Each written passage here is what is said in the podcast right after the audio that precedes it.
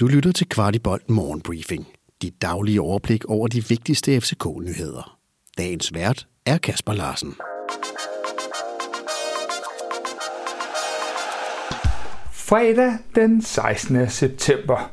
Og først en melding på de to spillere, der tales meget om i forbindelse med FC Midtjylland-kampen søndag, nemlig Andreas Cornelius og Carlos Seca.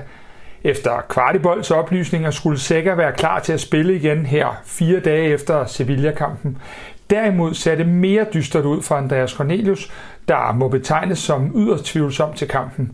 I givet fald, at Corner ikke bliver klar, håber vi meget på, at han så også bliver hjemme i landskampspausen og bliver helt klar til det meget tætte program, der venter efter. Mohamed Darami har fået en lidt blandet start i FC København, efter at være kommet tilbage fra Ajax på leje. Mo fortæller efter kampen mod Sevilla, at han ikke tænker så meget over den kritik, der kommer, og han er helt sikker på, at han nok skal genfinde sit niveau. Mo pointerer, at han arbejder hårdt for at nå det topniveau, og at han ikke lytter til, hvad folk mener, da han ikke tror på, at det gavner ham. Vi tror her på redaktionen stadig meget på Mo, men vi tænker også, at han har brug for en succesoplevelse.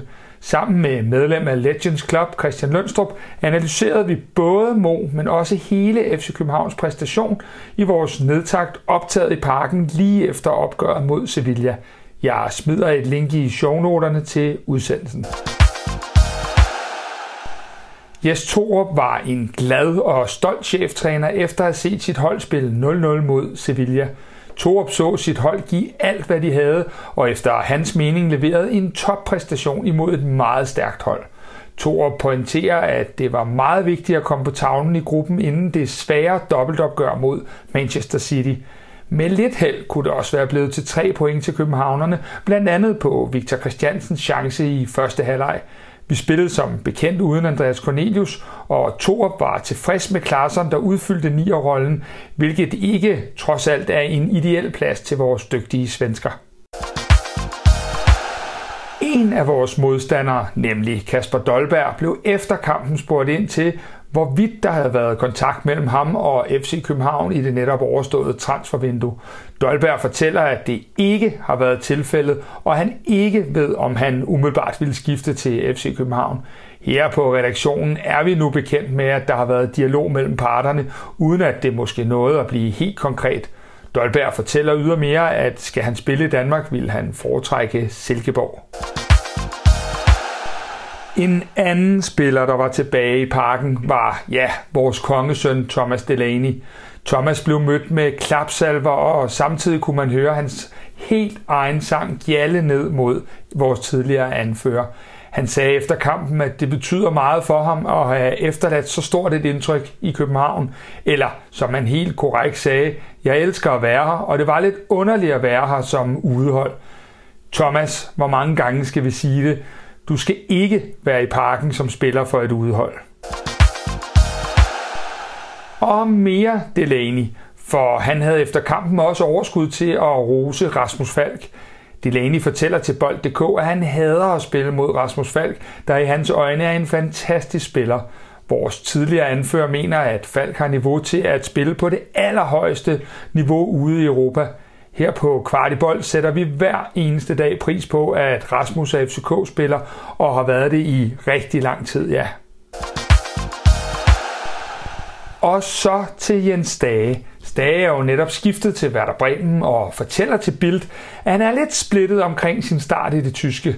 Stage siger, at han både ser gode og dårlige ting for såvel holdet som sig selv, og jeg skal stadig prøve at lægge på og gøre det bedre selv, men vi har altså også en del stærke spillere på min position. Stage har indtil videre spillet syv kampe og skrev under på en kontrakt gældende til 2026. Jeg var selv inde og se vores U19-drenge vinde 4-1 mod Sevilla, og de spillede en ja, fornuftig kamp mod det spanske hold, som vi i dele af kampen var markant bedre end.